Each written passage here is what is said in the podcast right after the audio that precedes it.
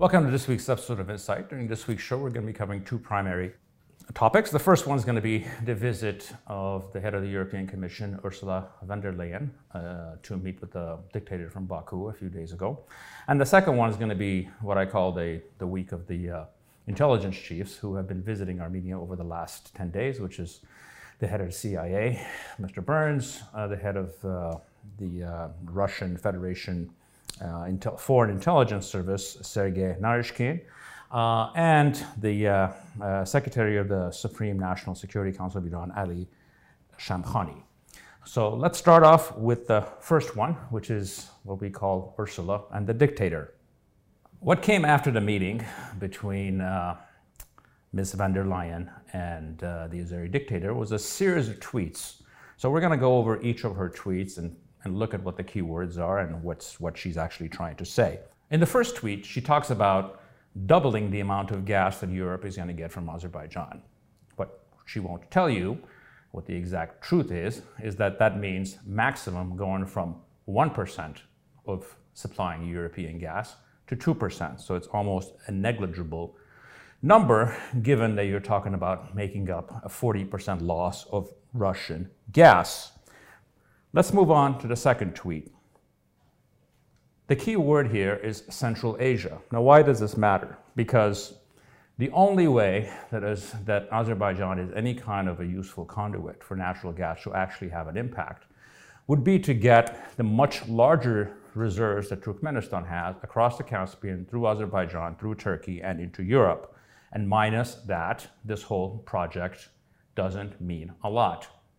On the next tweet, the key word is how this is going to help with gas shortages this winter. Well, that's just straight out lie. The fact is that this agreement, uh, at best, will come to fruition four or five years from now and will have absolutely no impact on the shortages of gas in Western Europe this winter. The reality of the situation is that. Uh, in the short run, there's actually no alternative to Russian gas because of the scale of the Russian gas production.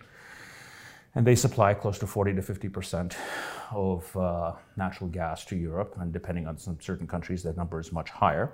Uh, the truth of the matter is that uh, after the Russian invasion of Ukraine, uh, the West sort of declared war, economic war on Russia, but in the short run, it's very clear that the loser of that war has been the West. Uh, this could obviously change over the long run, but in the short run, it is the West that's paying the big economic price for this war. In summary, let's move on to what all of this means. Uh, what we have here is actually a lot of lying that's going on between all of these parties. Uh, let's go back what, about what this gas line, the TANAP line, which uh, Aliyev built about 10 years ago and completed a few years ago. Uh, this is actually a political project. Uh, it is designed to give political influence to him and his country uh, through multiple countries like the EU and uh, make his country more, much more important than it is. Uh, but in fact, uh, it economically makes very little sense. They've spent about $10 billion on it. And the amount of gas that it's going to transport is minuscule uh, as far as meeting the needs of any particular market. Let's go over the specifics uh, in regards to this. Minus any new large gas findings in Azerbaijan, which this is not something that happens every day on a short run, uh, they're about at maximum capacity. Uh, in fact, they've sort of peaked in their production about a year ago. So this is not a serious alternative to Russian gas. When you look at it structurally, the three primary buyers of the uh, gas that's produced by Aliyev state actually goes to three countries, his own, Georgia, and Turkey. And whatever is left over gets exported through the TANAP line. Now, what is also true is that in all of these three countries, uh, gas consumption is going up. So whatever is going to be produced in, in any kind of an extra uh, gas production is actually going to go to these markets first, and beyond that, it's not price wise competitive. Uh, secondly, uh, this pipeline doesn't even have the capacity to actually reach anything beyond 2% of European use because structurally it was not built like that. So, in order to actually make Aliyev state any kind of a serious alternative to Russian gas, you have to spend many more billions of dollars and many more years to actually increase that capacity. Uh, and ironically, most of the Russian, most of the uh, gas that Aliyev exports actually comes from the Shah Deniz field, which is actually owned in the 20th percentile by Lukoil, which is one of the primary oil and gas producers in Russia. Ironically, the other 10% is actually owned by the Iranian National Oil Company, uh, which actually makes this really not an alternative to Russian gas. It's simply paying the Russians and Iranians in another format. Interesting, interesting side note to this 10% of uh, uh, this field, of this 20, that 20% that Lukoil has, was actually bought a few days before the Russian invasion of Ukraine. And we must imagine that to be not coincidental. I want to close this section by pointing something out to Ms. von der Leyen, uh, which is uh, somewhat not exactly related, but I'll come back to how it is related.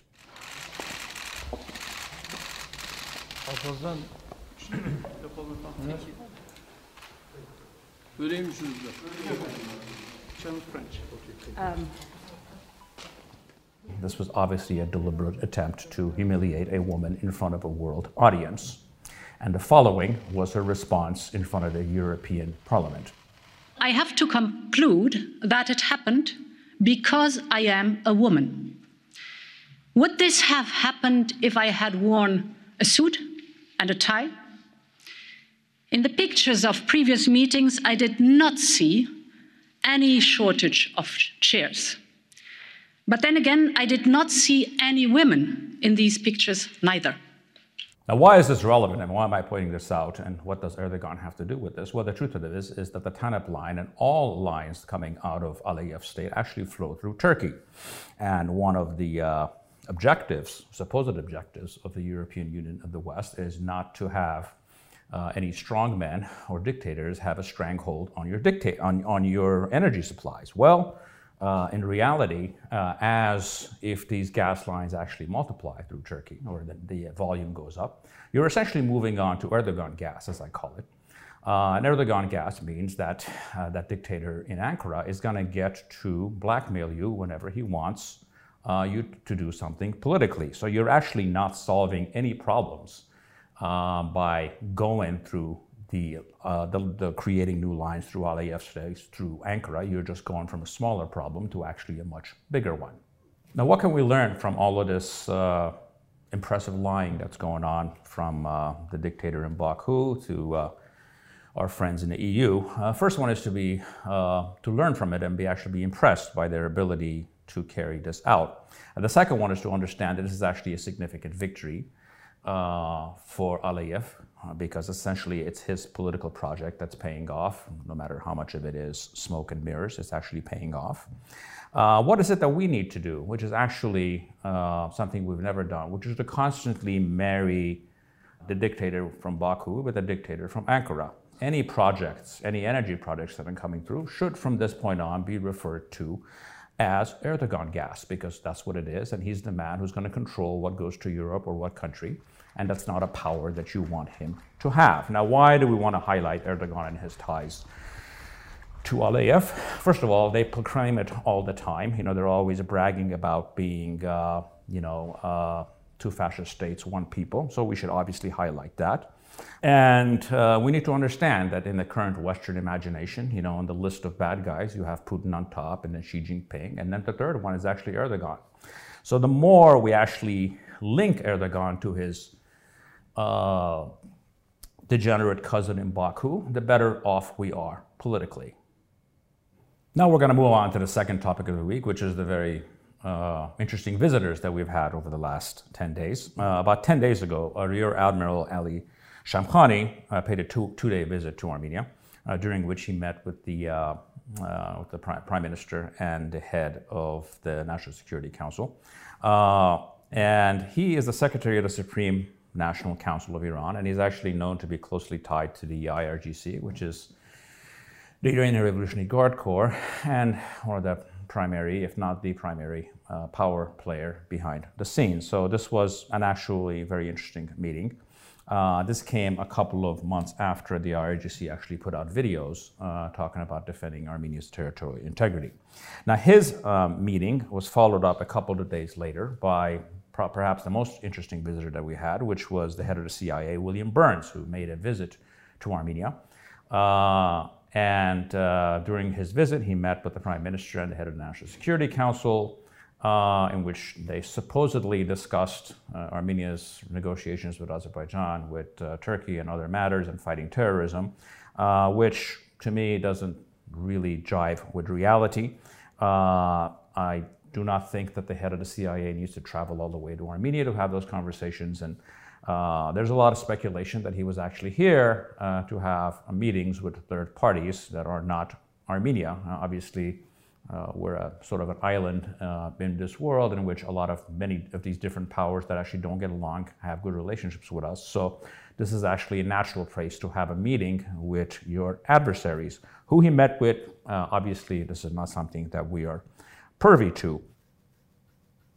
This meeting actually was followed up uh, two days ago by the, the, director of the Russian Foreign Intelligence, Sergei Naryshkin, who visited Armenia also. Obviously, we don't know the details of what came out of it.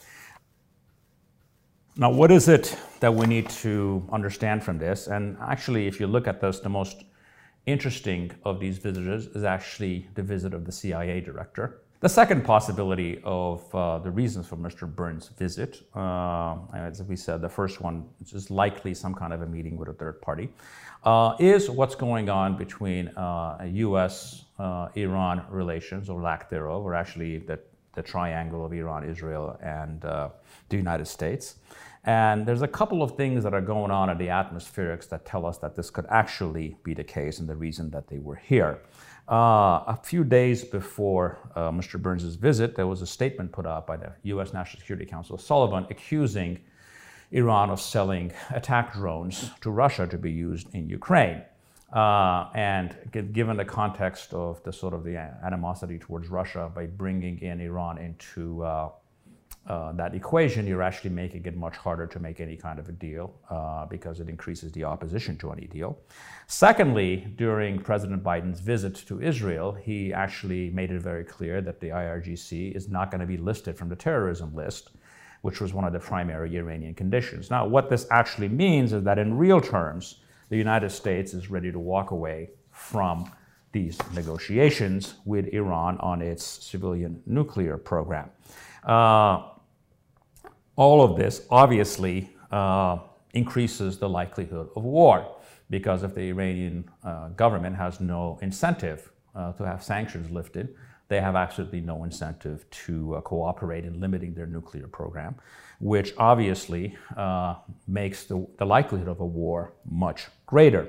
One of the more interesting and curious statements that came out immediately after the two US ones was a statement put out by Kamal Kharrazi, who was a former Iranian foreign minister and a close advisor to the Iranian Supreme Leader Ali Khamenei, uh, in which he said that Iran is a nuclear threshold state, which is which means that they have the capacity to build nuclear weapons, but they have yet to make a decision to make one or not. Now, why is this important? Because in the history of the past 20 years of this controversy, there's never been a time that the Iranian, anyone related to the power structure in that country has ever mentioned this fact. They've always said this is a nuclear it's a civilian nuclear program. It has nothing to do with the military.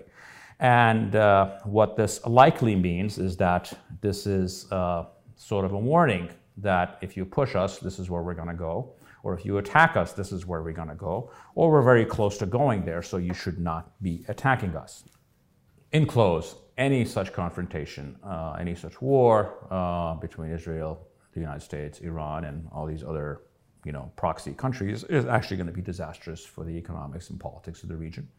Uh, and uh, depending on its length, it's likely to, one of the easiest impact is going to send uh, hundreds of thousands, if not more, refugees going in different directions. And uh, obviously, uh, a good chunk of them will be heading in our direction. Obviously, this is something that we hope never comes to pass. Thank you for joining me in this week's episode of Insights.